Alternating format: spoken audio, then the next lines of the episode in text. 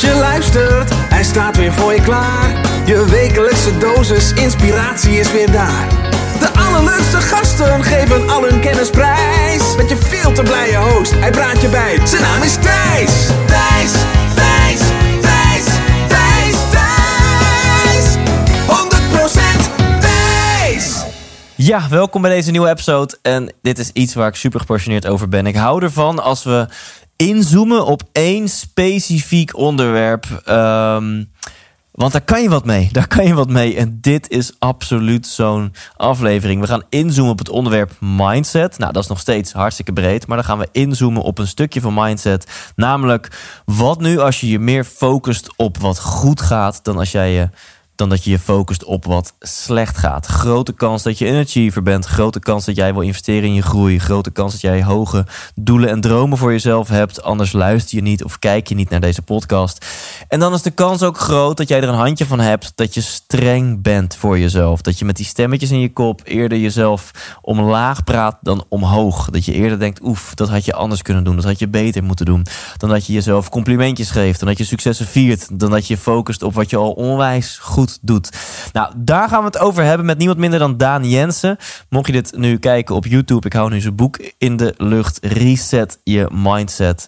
Met als ondertitel over de belangrijkste en minst gestelde vraag: wat gaat er goed? Nou, ik moet hier verder nu over ophouden, want Daan kan er veel meer over vertellen. Wat je wel kunt doen is alvast gaan naar thijslindhout.nl slash Daan. Want daar uh, kun je gratis een hoofdstuk uit dit boek downloaden. Die krijg je gewoon helemaal gratis meteen van ons toegestuurd. En maak je ook nog eens kans om één van de twee boeken gesigneerd van Daan te winnen en thuisgestuurd te krijgen. Dus als je het nu al tof vindt, ga naar thijslindert.nl slash Daan. Um, wil je premium lid worden, dan nodig ik je ook van harte uit om te gaan naar ikwilpremium.nl. Want voor premiumleden only hebben we een extra video opgenomen waarin we ingaan op het ego.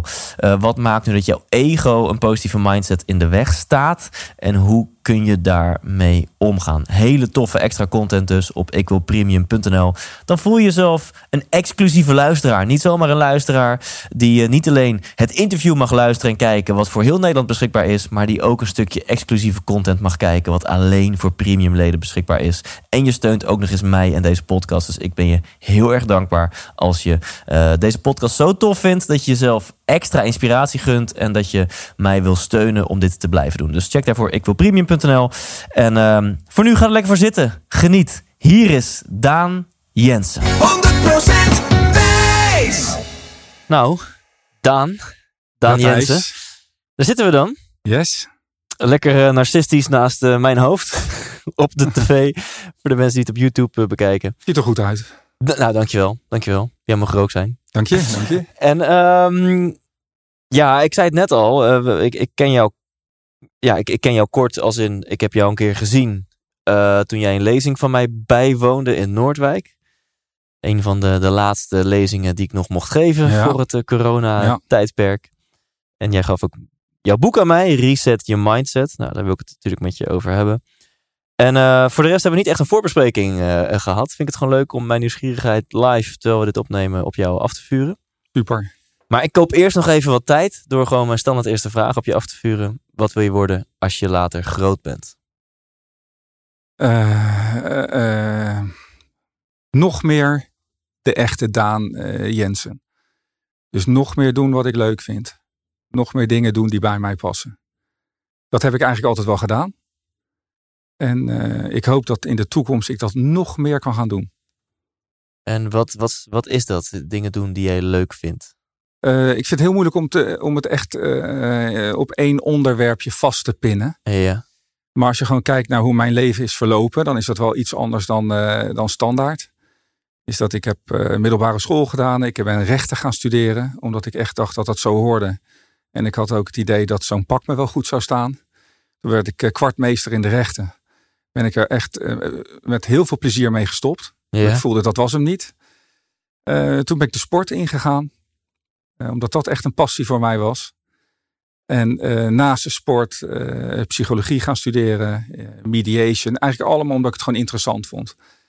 En ook mijn boek is daar eigenlijk een uitvloeisel van. En dat is eigenlijk allemaal omdat ik het gewoon leuk vind om te doen. En, en de sport ben je ingegaan als coach? Als ik dat Ja, eh, goed lees op de achterkant van je boek. ik, eh, ik wilde altijd eh proftennisser worden. Ja, En had niet voldoende talent om dat te halen. En na de studie dacht ik, ja, wat moet ik nou doen? Toen zei mijn moeder, joh, ga lesgeven. En ik dacht altijd van, ja, oh nee, lesgeven, man, daar begin ik niet aan. Want toen moet ik gaan lopen tennis met kneuzen. Ik weet nog letterlijk, zei ik dat. En, maar ik ben toch gaan doen, de opleiding gaan doen. En toen bleek er inderdaad lesgeven iets totaal anders te zijn. Dan eh, tennissen met mensen die het niet zo goed kunnen. Het Ja. was dus gewoon echt met mensen omgaan. Het, eh, het beste uit een ander halen. En dat, eh, die voldoening is groot. en wa- was het op hoog niveau dat jij tennis- en wandelcoach was? recrea- recreatief. Ja. En dat wandelcoaching, dat ben ik erbij gaan doen. Omdat op een gegeven moment ik zo geïnteresseerd raakte in de mentale wereld. Ja, De psychologie achter sport. Dat ik eigenlijk als een soort van uitvloeisel daarvan werd ik gevraagd van... oh Daan, je moet eens een keertje mijn kind helpen. Kan je niet eens een keer weer iets met, met hem gaan doen? Of je moet eens een keertje bij mijn bedrijf langskomen. Om eens te vertellen dit of dat. En zo is dat eigenlijk gelopen. Ja. Het is ook een soort van vloeiend diep dat uit. En al die dingen heb ik dus eigenlijk samen zitten vatten in zo'n boek. Ja. Echt een... eh, Dus, dus eh, eh, komt alle inspiratie uit het boek met name nou, uit jouzelf, om maar zo te zeggen? Of, of, of heb je ook echt bepaalde inspiratoren die, eh, ja, die ve- je toe hebben geleid dat jij eh, dit boek hebt geschreven? Ja, ik moet zeggen, ik, ik raakte zo gefascineerd door die mentale wereld. Ja, Dat eh, ik wel alles ben gaan lezen wat los en vast zit. ja oké. Waaronder dus ook wel vakken psychologie aan de Open Uni- Universiteit. Maar ik heb toch het meest geleerd van ja, de niet-psychologen. En ja, ontzettend veel. Ik zag ook dat jij een keer Ben Tichelaar hier hebt gehad. Ja, invloedrijk geweest. Ja. Voor mij. Ja. En zo zijn er meerdere. Eigenlijk, eh, de namen die jij ook al allemaal kent. Ja. De buitenlandse eh, denkers. Ja. En eh, die hebben me enorm beïnvloed. ja en zo te zien inderdaad in je boek staan ook wel wat, wat dingen die, die denk ik, eh, die jij quote uit andere onderzoeken. Zoals ik zie Ja. hier een tabelletje eh, van wat mensen wereldwijd antwoorden op de vraag, wat gebeurt er met de wereld? Ja. Dus denk je dat de wereld over het algemeen genomen beter wordt, hetzelfde blijft of achteruit gaat? En dan heb je hier het percentage eh, genoemd van de mensen die zeggen het gaat achteruit. Ja. Dus de mensen met een negatieve mindset. Ja. En dan staat Turkije op één met, met zo'n, nou, als ik het zo inschat, 60, 70 procent of zo. Ja, ja, je ziet dus gewoon wereldwijd dat mensen een, eh, een negatief beeld hebben van de wereld. Ja. En eh, kijk, eigenlijk waar ik, wat mijn punt is met eh, waar ik een boek over heb geschreven, is dat ik duizenden mensen inmiddels op de tennisbaan les heb gegeven. Ja. En je hebt altijd een, een doel, en dat is, ik wil op een zo leuk mogelijke manier het maximale eruit krijgen.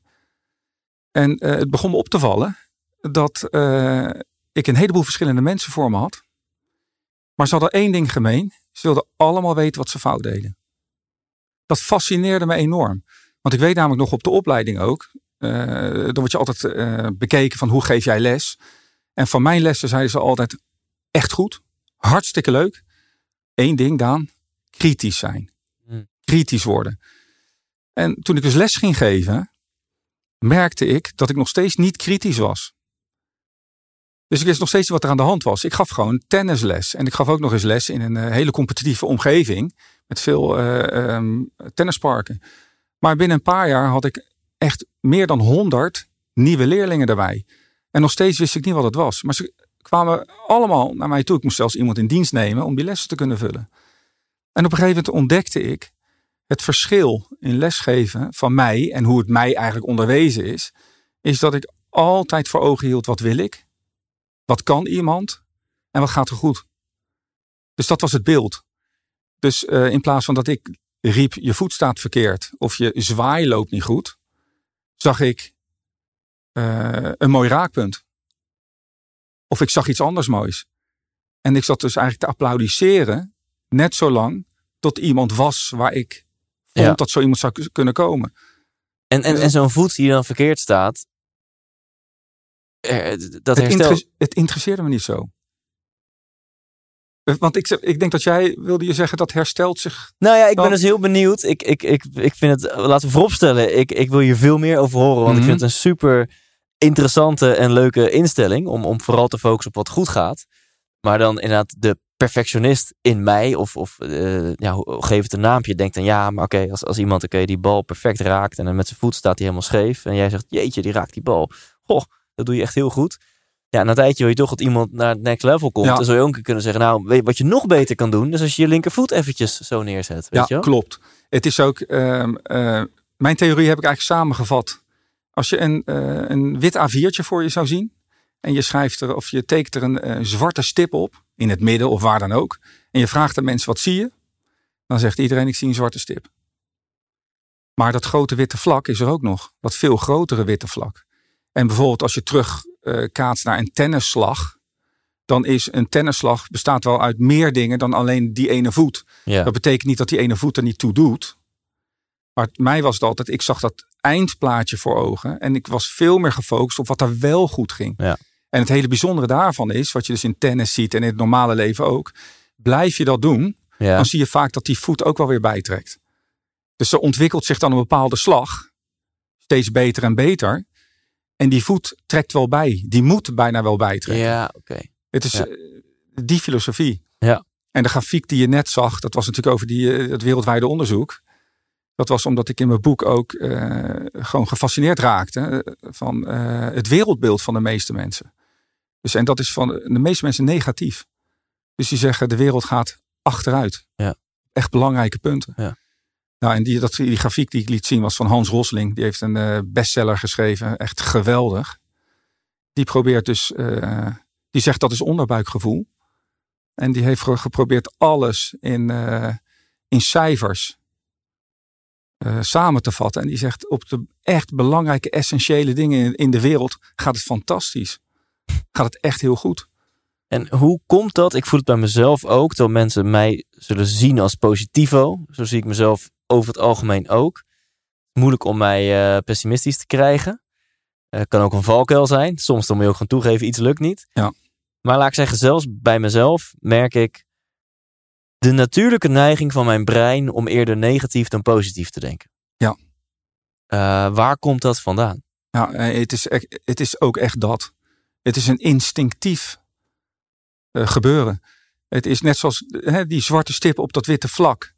Dat gaat helemaal vanzelf. Je ziet die zwarte stip. Ja. Dat witte vlak valt niet eens op. En eh, net zoals met je wereldbeeld. eh, er kunnen eh, twintig dingen goed gaan. Maar dat ene ding wat niet goed gaat, dat blijft zitten. Dat blijft hangen in je hoofd. Daar Ja. ga je zelfs over piekeren. Ja, En het ding is, en dat is dus eigenlijk, nu kom je echt aan de essentie. Daarom heb ik dat boek geschreven. Waarom? Omdat ik erachter kwam in sport dat die focus op die zwarte stip er juist voor zorgt dat die zwarte stip groter wordt. ja. Oeh, die is pijnlijk. Ja, Ja, en dat, dat er zelfs stippen eh, bij ontstaan. Dus eh, dat is wel interessant. Ik, eh, heel simpel naar sport. In tennis is het zo dat ehm, ze noemen dat echt een mental game. En dan vraag je eigenlijk af, ja, ik wil er zo simpel mogelijk weten, maar wat is dat dan, dat mentale gebeuren? En dan, ik wil niet zweverig zijn. Maar het is eigenlijk maar één ding. Het is het gevecht tegen een negatieve gedachte. Elke tennisser, omdat tennis eh, is, een hele, eh, is een gevoelssport. Dus er komt heel veel fijne motoriek bij kijken. En zodra, alle tennissers weten dat in een wedstrijd, de eerste gedachte opkomt, die backhand loopt niet. Mhm. Of nu oppassen, want ja. dan komt er een verkramping in je lichaam. En dan is ook echt je spel zakt in elkaar. Ja. En het allerbeste wat je dan nog kan bereiken is een soort van middelmaat. Ja. Maar ik weet zeker dat alle luisteraars van, de, van deze podcast die tennissen, zitten nu allemaal ja te knikken. Ja. Dit is zo'n ding. Het is iets ongelooflijks. Maar het is dus eigenlijk zo simpel als negatieve da- gedachte komt op. Heeft gelijk een lichamelijke reactie, want je verkrampt. Maar ook mentaal. Dat is heel, heel bijzonder. Je creativiteit is weg. Dus eh, eh, ik ook tennis vanaf mijn twaalfde speel ik wedstrijden. Het heeft denk ik tot eh, dik in mijn twintigste geduurd voordat ik dit een beetje onder controle kon hebben. Ja. Ik wist ook niet wat er gebeurde hoor. Maar het is, je merkt dat je, je hele spel, je verkrampt. Ze noemen het choken. Ja, dus je hebt het over het gevecht tegen de negatieve gedachten. Voordat we het daarover gaan hebben hoe we dat gevecht kunnen winnen. En dat moet je gewoon dit boek natuurlijk voorlezen. Maar jij gaat hem zo samenvatten natuurlijk. ja, ja. Ehm, kunnen we, weet je iets van de oorzaak? Waarom doen we dit? Nou, de eh, eh, meest plausibele is, eh, het heeft een evolutionaire oorsprong. Dus wij, eh, de honderdduizenden jaren dat wij hier rondlopen, is het gewoon veel belangrijker geweest dat wij het gevaar opmerken. Want als je gevaar niet zou opmerken, of dreiging, dan kon het fout aflopen. Ja. Dan zou het zomaar kunnen dat er geen morgen meer is. Ja. Maar aan de andere kant, alle fantastisch mooie dingen om je heen een dagje vergeten of een weekje vergeten, dat, zou, dat doet er in wezen niet zoveel toe. Het is dus echt gericht op overleving. Ja. Sterker nog, zouden we het niet hebben gedaan, dan is de kans groot dat we er niet eens meer waren geweest als mensheid. En als het zo diep zit, is het dan wel mogelijk? Als het, als het je, je fabriekssetting is, Ja, is het dan wel mogelijk om dus weerstand te bieden richting die negatieve gedachten? En, en, en, en misschien zelfs jezelf gaan hertrainen dat je, dat je ineens onbewust met eerder positieve gedachten komt. Nou, is, een, is een hele goeie. Ik heb, het, eh, ik heb er zelf heel lang over nagedacht. En op een gegeven moment kwam ik, eh, kwam ik uit op eh, de gezondheids- en geluksdriehoek, noem ik het maar. En eh, ik zag namelijk dat eh, wij willen allemaal gezond zijn. In wezen willen we er fit, ook fit uitzien. Dat is wat veel mensen eh, nastreven, willen gelukkig zijn. En als je nou kijkt, er zijn heel veel boeken geschreven over voeding. Ja. Dus we weten inmiddels dat we gewoon gezond moeten eten, niet te veel moeten eten, misschien ook wel beter wat we moeten eten.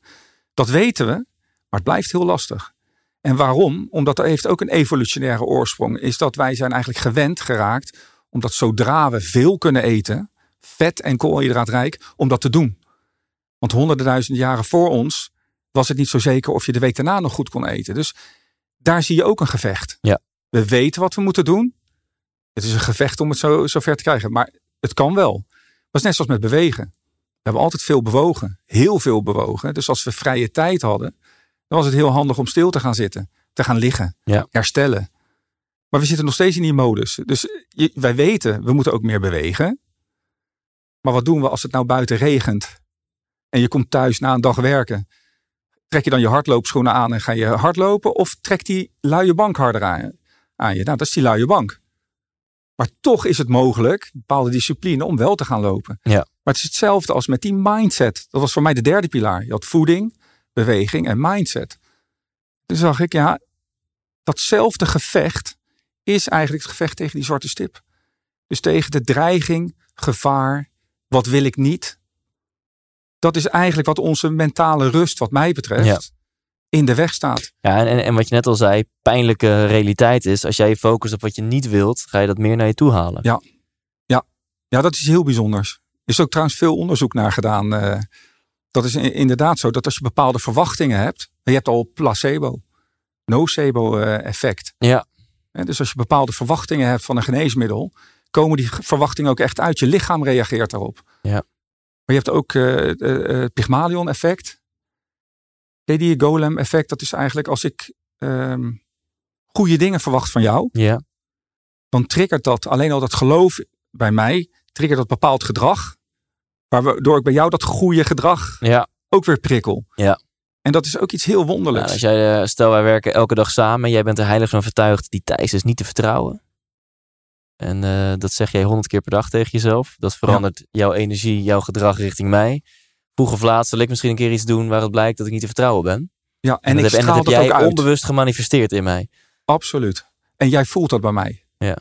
Dus dat straal je in alles uit. ik voel bijna, als we het er alleen over hebben, voel ik al bijna de behoefte om shady dingen te gaan doen. Zo van, nou, als jij mij zo bejegent, dan, Ja. eh, weet Ja. je wel, dan... eh, ja. ja, maar zo werkt het. ja. Dat zo werkt het. En maar er komt ook weer die zwarte stip. Want wat voor mij was zo belangrijk, je hebt ook je mensbeeld. We kunnen niks eigenlijk in dit leven zonder andere mensen. Ja. Maar het mensbeeld, veel mensen is ook niet zo positief. Dus je ziet het ook, eh, is ook weer wat onderzoek laat zien, is dat op een gegeven moment als ik, jij kan een bepaald beeld van mij hebben, positief. Ja. Maar dat positieve beeld is zo weg als ik iets doe wat jij heel vervelend vindt. Maar andersom, je hebt een negatief beeld van mij en ik doe iets goeds. Dan is het veel moeilijker voor, eh, voor een ander om een positief beeld van. Ja. Dus je ziet aan alles zie je dat het veel moeilijker is om Ja. vanuit die negatieve hoek positief te worden dan vanuit positief weer negatief. Ja. Warren Buffett zei het. Die, hij zegt, je, het duurt twintig jaar om een reputatie op te bouwen. Vijf minuten is die weg. dat is zo. ja. Dat is zo. En ja, dan wil ik nu toch ook echt een beetje richting de oplossing gaan lullen. Want ik denk dat mensen die nu een beetje gaan associëren en denken van oeh ja, misschien richting mijn partner doe ik dit. Of richting mezelf of mijn business of mijn gezondheid of mijn kids. Of Ja. nou, noem het maar op.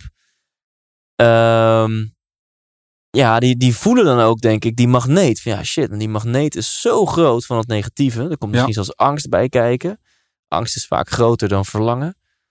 Eh, hoe kunnen we dan inderdaad weerstand bieden, dat gevecht aangaan met die magneet? Ja, het allerbelangrijkste is je bewust ervan zijn. En ehm, kijk, was het zo makkelijk hè, dat je het in een, eh, een paar trucs voor elkaar kan krijgen? Dat is, het start altijd met dat bewustzijn. Het start daar echt mee dat je eh, erachter komt. Ik noem, je noemde net ook kinderen. Dat je kind doet een heleboel neutrale dingen. Doet een paar dingen fout. Doet een Ja. paar dingen goed. Ja. Maar we reageren op die dingen die fout gaan. Ja. Dan laten we van ons horen. En het start met een bewustzijn dat je dat doet. En ik weet zeker, als je dit hebt geluisterd, ga je erop letten. Ja. En wat je dan moet doen, is je, je draait dat om. Dus je gaat van je laten horen als de kinderen lief aan het spelen zijn. Als ze de leuke dingen doen, dan laat je van je horen. In plaats van achteruit eh, lekker eh, in die bank hangen van, eh, nou ze zijn stil, het gaat nu goed.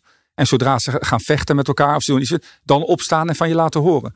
Het, het, het, het interessante daarvan is dat twee jaar later heb je dat 3000 keer gedaan. Ja. Dus de, de, de kinderen die hebben, krijgen allerlei associaties met papa en mama. Van hé, hey, papa en mama laten van zich horen als het fout gaat. Ja.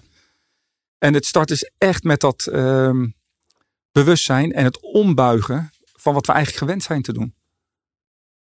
En daarnaast heb je nog ontzettend veel interessant onderzoek. Ik, eh, degene die mij raakte was van een neuropsycholoog. Die zei van ehm, het mooiste zou zijn als, we to- als het ons toch lukt om tegen dat instinct in te gaan. En als Ja. het ware ons brein wat te eh, reprogrammeren. En hij zei dat kan, dat kan.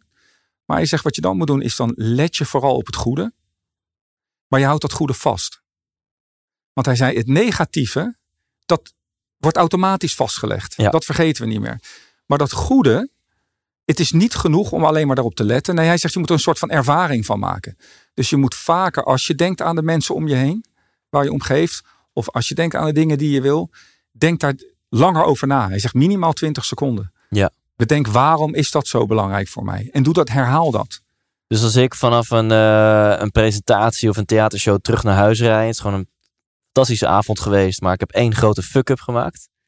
Dat is natuurlijk vaak waarmee ik naar huis Ja, rijd. ja, ja, die blijft hangen. Dan moet ik eigenlijk een paar dingen eh, weer voor de geest gaan halen die heel goed ging. En dan minimaal per ding 20 seconden er echt even bij stilstaan. Van, oh, Ja. weet je nog, die, Ja. die ene grap of dat dingetje met die vrouw op de eerste rij. En daar echt even 20 seconden dat laten inbranden. En dan 10 van dat soort dingen. En dan zou ik langzaam mijn gevoel over die avond wat, wat beter kunnen Ja. maken. Ja, en ook het interessante van aandacht, dat vind ik zo boeiend. Op het moment dat je daar echt over nadenkt, is die ene zwarte stip weg.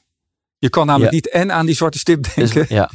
en aan het. Dus ja, het is, het is echt een kwestie van. eh, Maar soms is van die zwarte stip zo hardnekkig dat je gewoon, dan wil je aan het positieve denken. En dan voel je gewoon dat, ja maar, ja maar, ja, Ja. maar. Hij blijft, hij blijft. Ja, En het is voor En- mij ook niet dat je het moet negeren. Daar Nee. gaat het niet om. Voor mij was het echt de enorme onbalans ja, ja, ja. die er is. Dus hoe, ga jij hier zelf in jouw leven concreet Nou, mee om? ja, heel serieus. Echt heel ja, ja, serieus. vertel. Ja. Dus het, eh, het kunnen echt aan de hele kleine dingen liggen. Dat, dat, ik weet nog dat ik een auto kreeg met airco. En iedere keer als ik die auto instapte en het was warm, ik zette de airco aan, genoot ik daar enorm van. Dacht ik terug aan de tijd dat ik het niet had. Ja, ja. En daar ben ik eigenlijk altijd mee bezig. Dus elke keer ben ik weer zo blij als ik instap. En ik kan het zelfs jaren volhouden. Ja. Ik heb 18 jaar in een flat gewoond. ja. En nu woon ik in een huis met een tuin. En we wonen er nu vier jaar. En er is geen enkele, enkele keer dat ik de tuin ben ingelopen zonder dat ik dacht aan. Geweldig zeg. Ja, ja, ja. En eh, aan die 18 jaar daarvoor. Waar ik ook niet ongelukkig was, overigens. Ja. Maar blijven herhalen. Dus het is voor mij ook een soort van training. Het is een ding die je moet blijven doen. Ja. En dat maakt je echt een stuk rustiger en, eh, en gelukkiger. Denk ik. Nee, eh, ja, nou, ik, ik denk het ook. Je, je hebt er ook wel een boek over, eh, over geschreven. En is het zo, in mijn hoofd denk ik nu, van, nou, je hebt stap 1 en dat is, hé, er komt een negatieve gedachte en hoe kan je het gevecht aangaan? Of, of hoe kan je die overschaduwen met de vraag, wat is er wel goed gegaan? Is het na een tijdje mogelijk, merk je bij jezelf, als je hier structureel mee aan de slag gaat, dat je na een tijdje zelfs merkt dat er van nature al wat meer, dat, dat je onbewust bekwaam gaat worden. Dat er van Ja, ja, nature al ja. wat positieve gedachten komen. Nou, ik, wat ik een van de mooiste voorbeelden uit de sport vind, is eh, Roger Federer. Ja. Die eh, eh, voor de- nu bekend staat als echt wel een van de grootste sportmannen aller tijden. En niet alleen maar vanwege zijn prestaties, maar ook gewoon vanwege zijn instelling. Zo'n sympathieke eh, jongen staat altijd klaar. Doet eigenlijk niks fout op de baan. Wat de meeste mensen niet weten, is dat Federer eh, verschrikkelijk was. eh, tot zijn 21, 22ste jaar dat ook als je eh, leest wat de coaches uit die tijd zeiden over hem. Die zeiden van nou dit is een ongelooflijk talent. Maar gaat het nooit halen. Vanwege zijn instelling. Mindset. Het enige wat hij deed, dat zegt hij zelf ook. Hij gooide eh, allemaal helikopters. En dat betekent in tennis dat je je racket eh, Hmm. als een soort van helikopter door de lucht. Het was kansloos. Totdat hij op, eh, ik denk dat hij een jaar of 20, 21 was. De, zijn racket weggooide naar een verloren partij. Die bleef heel klungelig onder een scheidsrechterstoel hangen. Toen zei hij, het is klaar. Het is klaar. En vanaf dat moment heeft hij ook hulp gezocht. En wat ik eigenlijk mee wil zeggen, ik vind hem zo'n voorbeeld van dat het kan. Omdat veel mensen die dit, dit niet weten, zouden het niet kunnen geloven als je kijkt naar hem nu. Ja, ja. Dus als je gewoon nu zijn gedrag bekijkt en je zou een profielschets moeten maken, dan komt dat totaal niet overeen met Nee. wat coaches verwachten. Ja. En ook wat hij deed op die baan. ja, en dan misschien hebben we dat allemaal wel nodig. Hij had dus echt een punt waarop hij inzag, het is klaar. Ja. Hè, eventjes was de pijn heel erg groot van zijn huidige gedrag en het verlangen heel groot naar het gewenste gedrag. Omdat blijkbaar zijn racket klungelig onder die stoel bleef hangen. Ja. En, en dat, dat was voor hem moment of change. Ja, en hij werd toen, dat zei hij ook, want dat- ik denk dat iedereen dat wel herkent die daarmee aan de slag gaat, is dat dan, hij zei, daarna werd ik een boeddha. Hij zei, het was te. Ja, ja, dus ja, toen ja. was hij eh, als het ware emotieloos op die baan. ja. En toen zei hij van, nee, dat is het dus ook niet. Dus het is, gaat er weer niet om, om die negativiteit helemaal weg te krijgen. Dat kan gewoon niet. Maar het gaat er gewoon om, om bewust daarmee bezig. Net zoals bewust gezonder en minder eten. Bewust meer gaan bewegen. Het is, ik vind het ook work in progress. Ja. Er komt nooit een moment dat het heel gemakkelijk zou zijn. Want ik denk zelfs de mensen die echt gezond eten, maar die op een gegeven moment echt honger hebben. En dan staat er een wortel voor hun neus. Of een calorierijk gebakje. Het blijft, dat gebakje zal blijven trekken. Ja, ja. En dat is ook met positiviteit, negativiteit. Ik ben wel benieuwd hoe Federer die Boeddha in zichzelf binnen zo'n korte tijd heeft weten te ontwaken. ja, ja, ja. Nou, hij, hij vond het, hij hij zei, eh, op een gegeven moment was ik een beetje emotieloos. Alles was best. Ja, ja, ja. Maar dat wil je natuurlijk ook weer niet. Je wil ook een bepaalde spanning in je hebben om Ja. echt te kunnen presteren. ja, ja. En dat was hij dus kwijt. Ja. Maar het is eh, wat dat betreft ook in, in, eh, in tennis. Als je kijkt naar wat het meest wordt gewaardeerd. Mentaal gezien ook. Is altijd optimisme. Positiviteit. Dus dat, daarin zie je ook al terug. Althans, daar lees ik in terug. Dat wordt, wordt ook echt gewaardeerd. Dat wordt als iemand dat kan. Nadal bijvoorbeeld. Wordt eh, echt wel gezien als eh, een positieve speler. Die altijd maar doorgaat. Hoe hoog de druk ook is. Ja, precies. Gaat maar door, gaat maar door, gaat maar door. Terwijl die wel door zijn oom behoorlijk mentaal mishandeld is. Die heeft echt een, eh, een eh, opvoeding gehad die bikkel, bikkel hard was. En eh, wat ik dan heel interessant vond, is, want dat hoor je dan vaak, dat mensen zeggen, ja, maar Daan, leuk met die stip en dat witte vlak. Maar kijk maar naar veel topsporters, zoals Nadal, die zijn eigenlijk opgevoed juist met die nadruk op die zwarte stip, juist met straffen, hard aanpakken. Nadal moest bijvoorbeeld met een eh, gebroken duim doortennissen. Moest als hij eh, won van zijn vriendjes. Normaal moest dan de verliezer de baan slepen, maar dan liet zijn oom gewoon eh, Nadal, dus zijn, eh, zijn neefje, de baan slepen. Allemaal dat soort dingen. Maar Nadal zegt nu zelf dat eh, dat hem juist waarschijnlijk iets meer heeft gekost dan hem heeft opgeleverd. Hm. Want hij zei van, eh, hij was eigenlijk nu voor, zenuwachtig voor partijen met mindere spelers dan die zou moeten zijn. Want hij zei, ik ben zo onder druk Ja. gezet, Ja, dat als ik nu bijvoorbeeld een eerste ronde op een belangrijk toernooi tegen een nummer 500 van de wereld sta, hij zegt, ben ik nog steeds eigenlijk te zenuwachtig daarvoor. Maar dat komt gewoon die angst voor falen Ja, van ja, vroeger, van eh die archief, gestraft worden. Ja. archiefkast. Ja. ja. En ehm, zijn er nog andere dingen die we kunnen doen? Want uh, de, de, mensen hebben nu al één, één concrete tip gehad. Hè? Dus Ja. pak echt even 20 seconden om aan iets positiefs te denken. Je brein heeft gewoon even wat meer incubatietijd nodig bij positieve herinneringen. Ehm, ja, zijn, zijn er meer dingen die we kunnen doen om, eh, om langzaam eh, onze mindset te resetten? Ja, ja, ja, ja. Nee, het is. eh, eh, ik ben natuurlijk helemaal uit de sport. Ja. En nou, je hebt dat hele lichaam-geest verhaal, hè, dat het op elkaar inwerkt. Ga sporten. Ga sporten. Dus beweeg. Ik, ik las ook laatst van onderzoek dat dat beter werkt tegen bijna alle vormen van depressie dan medicijnen Ja, alleen. ja. Beweeg. En ik heb ook, eh, schrijf ik ook in mijn boek, ik heb de beste gesprekken altijd gehad in de, in de uren tussen mijn trainingen door. Dus mensen konden met eh, grote problemen zitten. Ga je 50 minuten achter een bal aanrennen. Je gaat zweten. Je, drinkt, eh, je, je gaat wat drinken na afloop en dan komen opeens de, de ideeën. Dan is het opeens veel minder erg. Ja. Veel creatiever. Ja. En dat is dus, dus Dus bewegen. iemand die nu luistert en echt flink stress heeft van wat dan ook. Je zou diegene willen adviseren. Maakt niet uit wat je vanavond doet. Maar ehm, zorg gewoon voor dat je even lekker eh, gaat rennen of naar de sportschool gaat of whatever. Ja. Ja, en ik heb ook eh, gewerkt met mensen die eh, lange tijd met depressie kampen, maar ga wandelen buiten. Ja.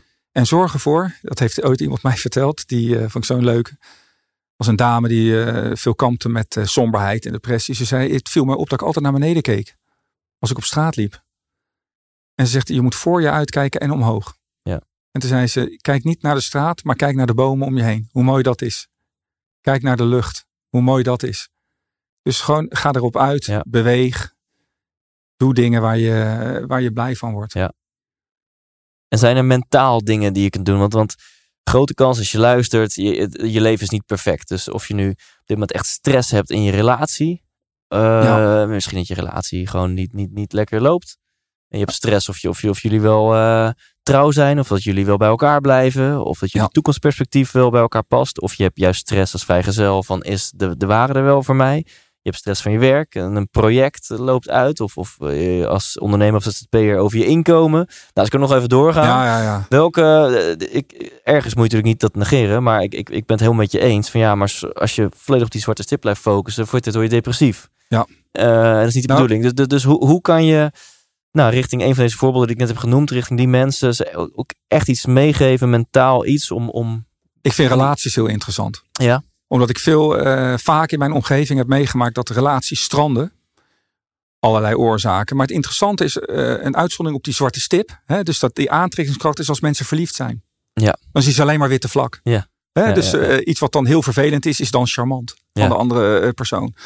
Maar wat ik mis zie gaan in, in relaties, als bijvoorbeeld tijden even zwaar zijn, is dat op een gegeven moment een zwarte stip opduikt. En mensen gaan zich daarop vastpinnen. En wat ik al zei, dan wordt de zwarte stip groter en Ja, groter. en als je ja. dat doet bij je partner, waar je ooit verliefd op was, op gedrag wat je toen nog charmant vond en leuk, en nu is het opeens een stip geworden. Als je daarin vastbijt, dan heb je echt een probleem. Want dan gaat het eh, neerwaarts. Dus wat je moet blijven doen dan, is blijf focussen op dat witte vlak, de mooie dingen, de dingen waar je ooit verliefd of werd. Hè, reden dat je verliefd werd op, op die partner. Omdat doe je het niet. Ik heb het te vaak zien stranden. En dan ook wat ik al zei, die zwarte stippen worden groter en groter. Dus je gaat steeds meer bewijzen vinden. Ja, ja. Hè, dat je gelijk hebt, dat je partner dit of dat. Wat je ook vaak hoort is dat ehm, partners die problemen hebben met elkaar, dat iemand komt met een lijstje. Dit moet je veranderen. ja, Nou, daar zie je het al. En dat zijn natuurlijk allemaal zwarte stippen. Dat zijn allemaal dingen die diegene moet veranderen. En een ding wat ik zelf altijd zo boeiend vind, is als je het hebt over persoonlijke groei, dan is dat bijna altijd gekoppeld aan positieve emoties. Dan negatieve emoties, ook op die tennisbaan, die zorgen ervoor dat je gaat reageren als een dinosaurier. Ja. Je kent het vechten, vluchten, verstijven. Dus als jij een lijstje aan je partner geeft, of je blijft maar hameren op de dingen die hij of zij niet goed doet, dan kan je afvragen, triggert dit nou een positieve emotie of een negatieve emotie? Ik ga ervan uit dat bij de meeste mensen dat een negatieve emotie triggert. En daar zit die persoonlijke vooruitgang niet. Ja. Dus ja, de zwarte stippen doen daartoe. Maar de redding zit hem echt in dat witte vlak. Wat waardeer je? Wat vond je mooi in die ander? En doe je best om dat te blijven Ja. zien. En kun je daar een concrete oefening van maken voor de mensen die dus nu denken, ja, ik wil eigenlijk wel, ik wil even lekker marineren in hoe leuk ik mijn partner eigenlijk Ja, vind. ja. En eventjes, heb je daar een concrete oefening voor? Nou, ik vond die drie staat tot één regel vind ik altijd erg grappig. Dat maakt hem heel praktisch. Wat en is dat, dat? is ehm, eh, schrijf op. Ik ben zelf niet zo. Ja, ik heb wel een boek geschreven van eh, lijst schrijven. Maar schrijf op gewoon de drie mooie dingen van je partner. De drie mooie dingen. En dan mag best één minder mooie naast staan. Maar ook de drie mooie. Ja. Doe dat. En ik ga misschien van de hak op de tak hoor. Maar ik heb dat met mijn kinderen ook gedaan. Toen ik schreef, merkte ik al aan mijn kinderen. Die waren toen, nou ja, heel klein. En eh, ik merkte ook de stip. Het ging over de stip wat er op school was gebeurd. Dus elke avond toen ze gingen slapen vroeg ik. Vertel me maar twee leuke dingen van vandaag. Gewoon om een soort van te trainen. ja, Er zijn leuke dingen. Ja. Er zijn leuke dingen. En het gaat mij echt om het bewustzijn. Dat vind ik het Ja. aller, ja, allerbelangrijkste. en als je dus een concrete oefening wil, dan zou je gewoon vanavond een kwartiertje kunnen gaan schrijven. En schrijf gewoon eens alleen maar redenen op. Waarom Ja. was je ook weer verliefd geworden? Wat vind je geweldig aan je Ja. partner? En Weet je wat de beste oefening is eh, tot nu toe die ik ben tegengekomen ook uit de psychologie? Dankbaarheidsoefening. En eh, ik heb hem beschreven in mijn boek. Dat Ja. Oprah Winfrey, eh, die kwam daar onder andere mee. En die was een tijdje ongelukkiger. Ze merkte minder inspiratie. Het ging allemaal wat minder. Ja. Totdat ze ontdekte dat ze iets niet meer deed wat ze altijd deed. En wat ze altijd had gedaan, is dat ze elke eh, avond voor het slapen gaan. En het Ja. kost twee minuten, hè? drie minuten. Bedacht ze iets waarvoor ze dankbaar was. Iedere avond. En op een gegeven moment was het weg. Het gevoel was weg. Toen op- ze ontdekte, ik doe dat niet meer. En dan heb je ook die Martin Seligman, dat is die ehm, eh, professor eh, positieve psychologie. Die heeft het ook nog eh, onder de loep genomen. Hij zegt, het is eigenlijk wel de beste oefening die er is. Met, eh, doe je dit een week lang, dan heb je zes weken later nog steeds effect wauw. daarvan. Goeie, goeie wake-up call voor mijzelf is dit ook. Want ik zit de laatste tijd, steeds. merk ik bij mezelf dat ik vind, oeh, Thijs, als je niet uitkijkt, ben je wel erg op negatieve gefocust. En daardoor heb ik een eh, stof van een journal afgeblazen die in mijn nachtkastje lag. En eh, daar, daar eh, echt letterlijk een week geleden heb ik me zo voorgenomen om daar elke avond op te schrijven. Vandaag was een leuke dag, omdat, Oh ja. dubbele punt. Ja. En ik deed het altijd incidenteel, als ik het nodig had. Eh, en ik heb een week geleden bedacht om het structureel te gaan doen. En de, de grap is, zelfs als je, eh, nou ja, gericht op een zwarte stip in je bed gaat liggen. Dus je voelt gewoon, nou, eh, wat is nu mijn basisemotie, mijn default state of happiness? Nou, Mhm. hm, ik voel me een beetje, weet je wel? Ja. Oké, oké. Nou, en dan doe ik die oefening. Vandaag was een leuke dag, omdat. En ik kom dan bijna altijd wel. Je dwingt jezelf dus van ja, eh, er moeten nu bullet points hieronder komen. Er moeten nu redenen komen. Ja. Kom ik toch echt op een lijstje van 5 à 10.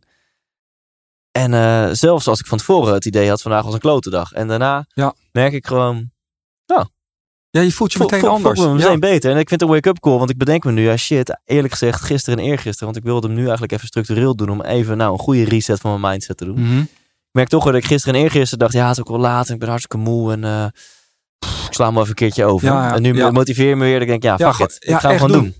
Maar het gek is ook, als, ik, als jij dat dan zegt, ik heb het ook nog steeds. Ik heb dan zo'n heel boek erover geschreven.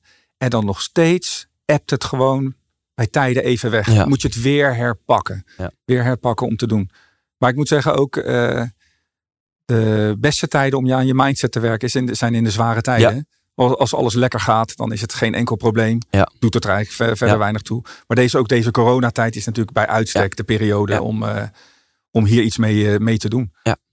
Absoluut. En waar, waar ik dan gewoon vragen over heb, ik, ik vind dankbaarheid, klinkt misschien een beetje gek, ik vind een moeilijke emotie. Dus ik kan Ja. wel degelijk, als ik mezelf de vraag stel, wat was eh, leuk vandaag? Of ik kan mezelf ook wel de vraag stellen, waar ben je dankbaar voor in je leven? En dan kom ik op allemaal mensen en dingen en, en, en ook eigenschappen van mezelf en zo.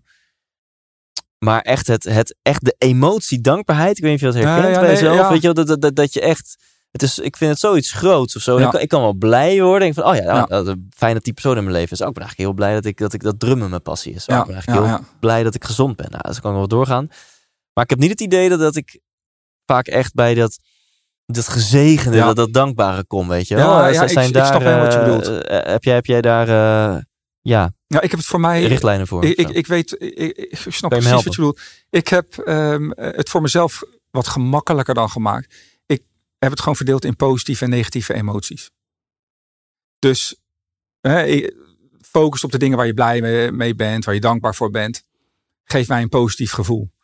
That's it. Ja. vind ik eigenlijk al al genoeg. Ja. Begrijp je? En ik snap, ik, ik begrijp wat je bedoelt hoor. Dat dankbaarheid, dat een echt wel diepere laag nog, nog is. Maar ik vind al de, de scheidslijn voor mij positief eh, gevoel, negatief eigenlijk al wel voldoende. Ja. En je kan ook dankbaarheid eh, veranderen in waar je blij mee bent. Ja, ja, en dat je soms in een meditatie vat dan ook wel eventjes die, die, die hogere trilling van dankbaarheid eh, pakt. Ja. Dat is mooi meegenomen. Dat, super. Maar wees niet zo streng voor jezelf, hoor ik je zeggen. Nee. Als het een positief gevoel is, top. Ja, zeker. Ja. En ik moest ook nog denken dat je zegt van eh, s s'avonds. Kan je het nog veel makkelijker misschien later. Ik vind het ook s'avonds. De zwarte stippen doen me meer s'avonds op. Ja. In plaats van dat je uitgeslapen opstaat. Hè, dan is er al wel meer wit vlak. Maar inderdaad gewoon zo tegen die tijd. Bewustzijn van, van hoe mooi het is. Ja. Valt mij ook op. Ik, eh, ik ben een eh, fan van op terrasjes zitten. En dan eh, zit ik daar wel eens op een terrasje met een cappuccino, muziekje aan. Drankjes worden gebracht.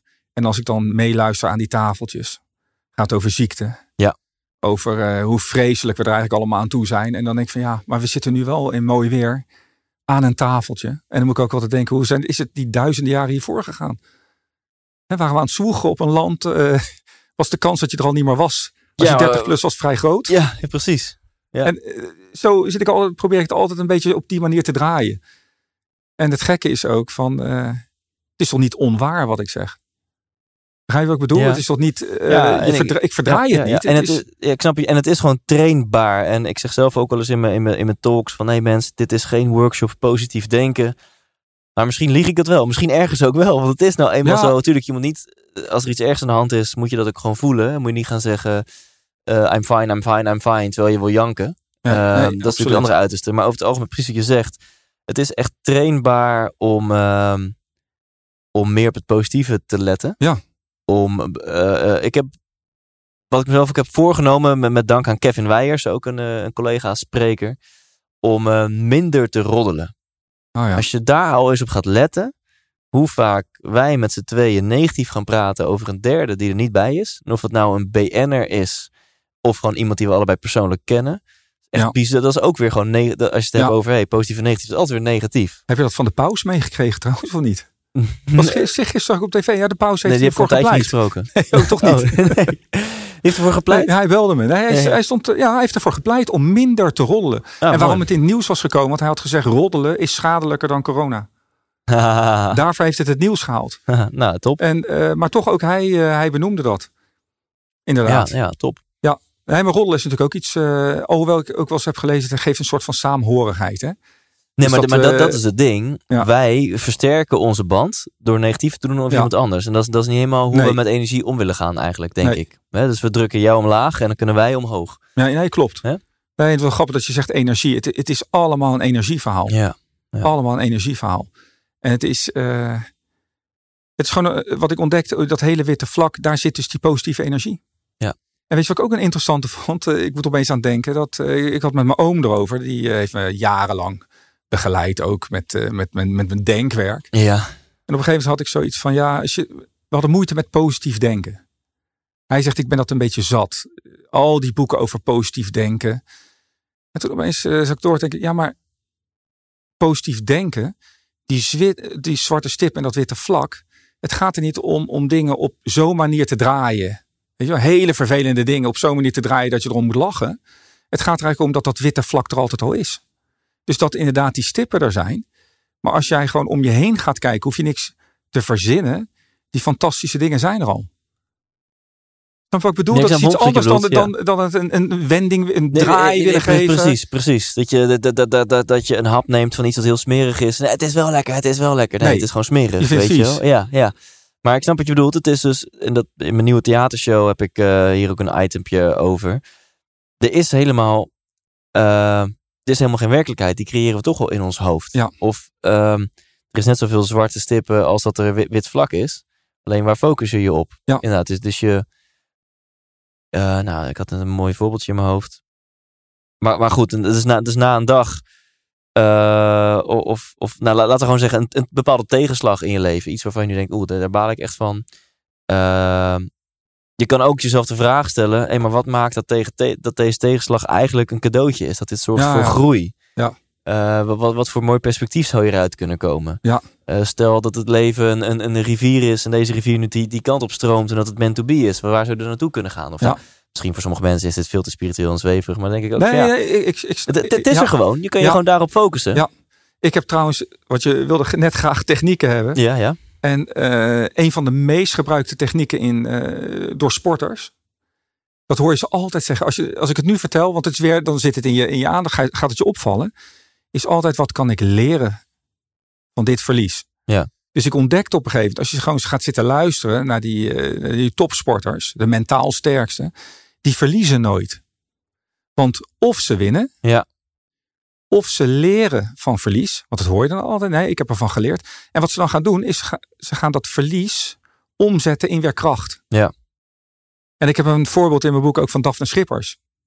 Die ik overigens eh, contact mee heb gehad voor mijn boek. Ontzettend aardig en, eh, Ja. en open. En die, eh, die moest op een gegeven moment op de Olympische Spelen starten. En er was iets met de startblokken. En op een gegeven moment, zij loopt een race. En ik weet niet meer precies, ik heb beschreven, ze werd vijfde. En eh, eh, eh, ze komt dan een soort geïnterviewd. En ze begint, ja, het- was eigenlijk hartstikke goed. Maar, ja, de eerste helft van de race was slecht want door die startblokken. En ik zat gelijk rechtop. Terwijl ik tv keek, ik dacht, die startblokken, zwarte stip.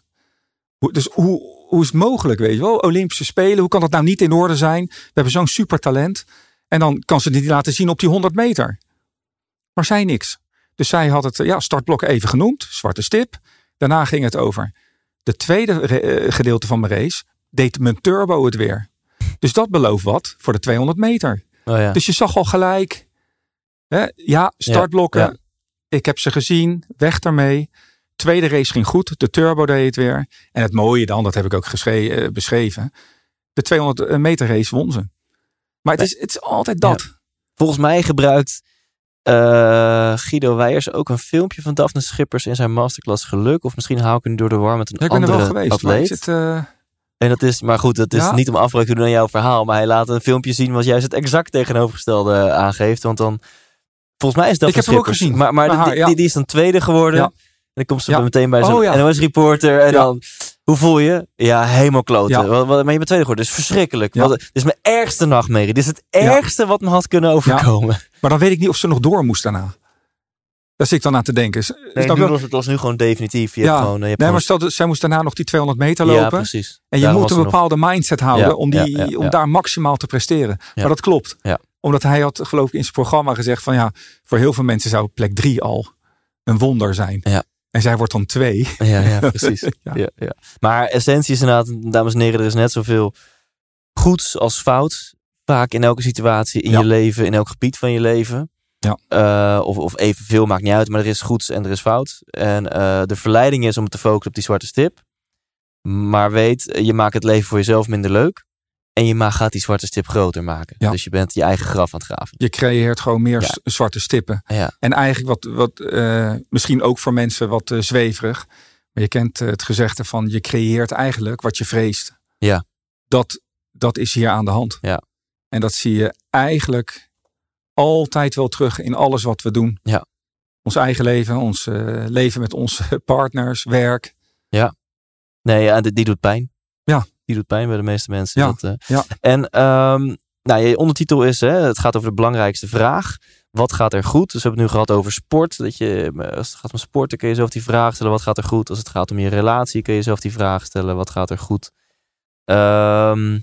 Mi- missen we nog iets wat, wat we Nou, moeten wat, ik bespreken? zelf, wat ik zelf een, eh, ook wel een hele interessante vond, is, is, weer in hetzelfde straatje, is dat in sport wil, wil bijna iedereen, als ze bij mij komen voor een eh, tennistraining, dan komen ze om een zwakste eh, punt Ja. beter te maken. Ja. Maar als je kijkt naar de grootste trainers in het tennis, ik heb Nick Bollettieri ontmoet en gesproken, die werkt andersom. Dus als jij bij Nick Bollettieri komt en hij kijkt naar je, je hebt een hele sterke voorhand en een mindere backhand, dan Ja. denkt hij één ding: jij moet meer voorhands gaan slaan. Ja.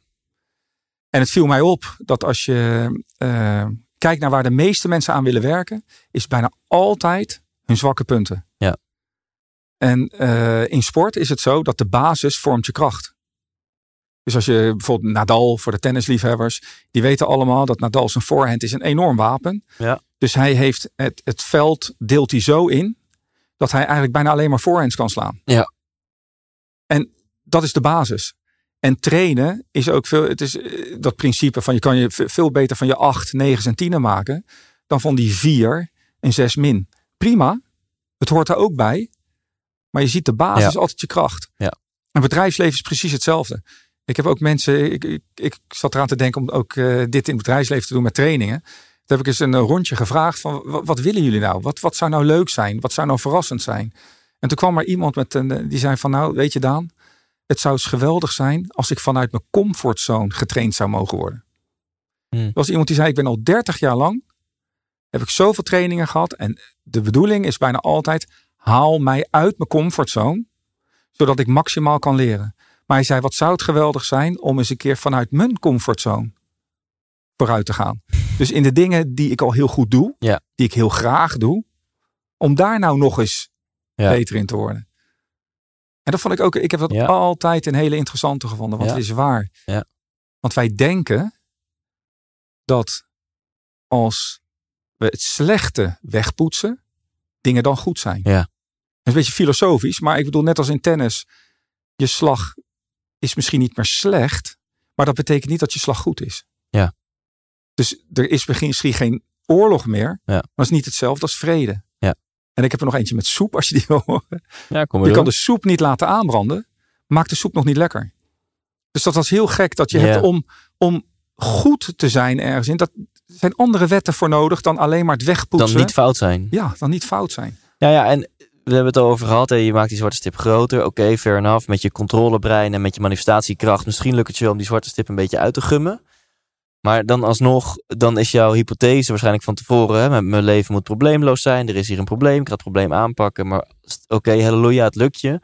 Daarna is er weer, poef, komt hier een zwarte stip. Ja. En dan komt daar, dus de, de, de, het geheim is veel meer leer te leven. Ondanks dat er zwarte stippen zijn Absoluut. dan, dan, eh, eh, maak je, dan jezelf wijs maken dat er geen zwarte stippen in je leven horen te zijn. Want dan heb je het Ze hartstikke zullen er altijd zijn. Ja. Zullen er altijd zijn. Maar het interessante voor mij is dat ze, ze zijn er.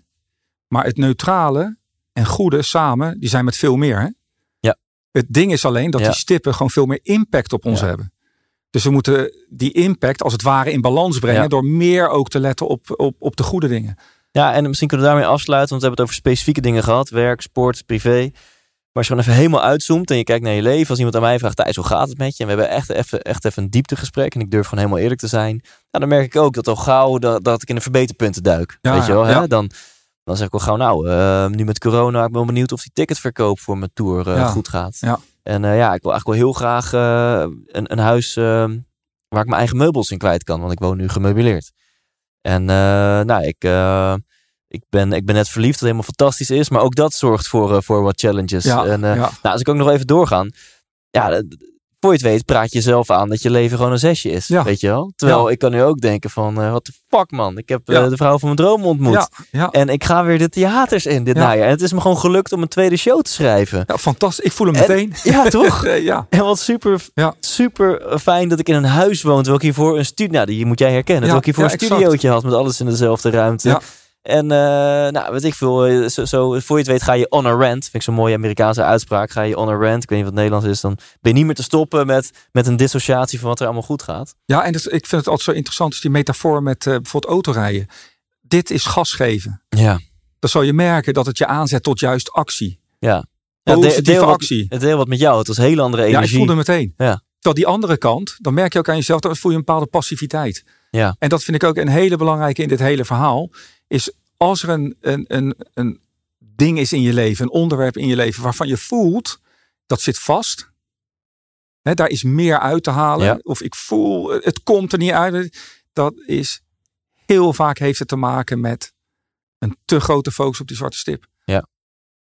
Waar Ja. dan ook, welk gebied van het leven dan ook. Ja. En je voelt, dan zit de rem er een beetje op. Het gaat niet. Het is een beetje, een beetje duwen en trekken. Terwijl die andere kant, veel, je, je ziet hem gewoon terug bij ondernemers. Dus altijd, hè, als, ze, als ze terugkijken op waarom heb ik dit wel gedaan, wordt bijna altijd weer te vlak. Ja. Bijna altijd dit, dit wil ik, dit vind ik Ja. mooi, dit ga ik doen. En dat, daar gaan ze. Ja. Terwijl, Ja, de Edwin Selijn, een vriendje van me, hypnotiseur en dan was in een goede spreker. Die, eh, die, die, die gebruikt het woord interessant altijd heel vaak. Dus als, als hij iets compleet verneukt heeft, dan zit hij... Nou, dat is interessant. Jeetje, wat is dat interessant, zeg. Ja, ja, ja, heeft hij net 5000 euro verbrand. In Ja, interessant. Iets, jeetje, dat is, dat is interessant. Ja, ja. Ja, dat is wel een heel, alleen dat woord al, Ja. weet je wel. Dat, eh ja, maar je, je zwakt het dan wel lekker een beetje af. je kan wel eh, lachen eigenlijk meteen. ja. Maar dan is het weer, de een belangrijke reden is, hoe voel je je daarbij? Ja. Het is gewoon een, een soort van, ja, een ding om je iets prettiger erbij te voelen. Eh, laten we afronden voor, voor dit, dit, dit, dit gedeelte voor de gewone mens. Eh, Ja. Als je premium lid bent, dan gaan we nog even volle bak door. Dan gaan we door. Ehm, ja, tot slot, eh, Daan. We hebben het helemaal niet gehad over jouw super celebrity famous broers. Maar dat is denk ik helemaal top, toch? Want dit gaat om Is- jou. ja, is jouw prima. Ik heb er ook eigenlijk niet eens aan gedacht. Nee, Maar het zijn inderdaad mijn broers. ja. En Die, die, zij die- hebben dit ook wel toegepast in hun leven. Echt? Ja. Kijk. Ik vind één ding van Frank nog steeds interessant.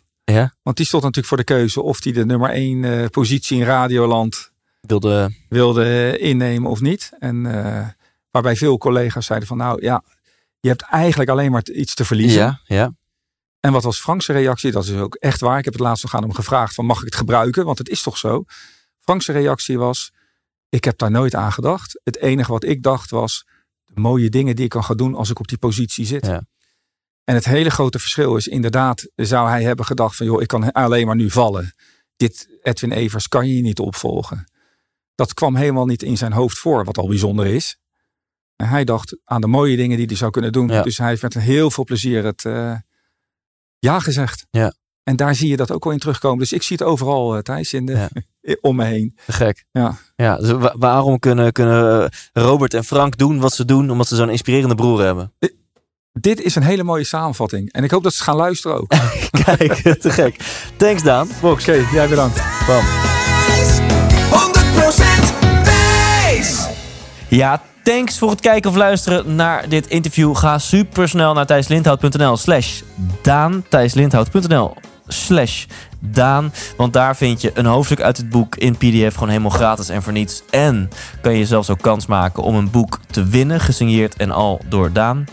En ben jij nu zo iemand die denkt: ja, ik wil niet alleen maar luisteren naar inspiratie. Ik vind die podcast tof, Thijs, maar ik wil ook in actie komen. Dan is mijn premium platform eh, het platform voor jou. Dat is een, eh, een club van inmiddels 150 enthousiaste luisteraars. Die zo enthousiast zijn dat ze niet alleen elke week inspiratie op willen doen, maar dat ze elke week in actie willen komen. En ik beloon jou als premium lid met een wekelijkse extra video uit deze podcast. Dus ook met Daan. Ik heb het met hem een kwartier lang gehad over jouw ego. Hoe jouw ego een positieve mindset in de weg zit. En uiteraard hoe je daarmee om kunt gaan. En elke woensdag deel ik met jou, als je premium lid bent, een video waarin ik deel wat voor impact heeft deze podcast op mij gehad. En zo open ik met jou de discussie. Leuk dat je hebt geluisterd, maar welke actie ga je nu ondernemen? Wat maakt nu echt impact op jou aan de hand van de aflevering van deze week? Dus wil je van inspiratie naar actie? Vind je het tof om deze podcast te steunen? Gun je jezelf extra inspiratie? Dan nodig ik je uit om op ikwilpremium.nl premium lid te worden. En dan join je een hele exclusieve club van eh, enthousiaste luisteraars van de 100% Inspiratie Podcast. Dus ik hoop je daar welkom te heten. Tot volgende week. Leef intens.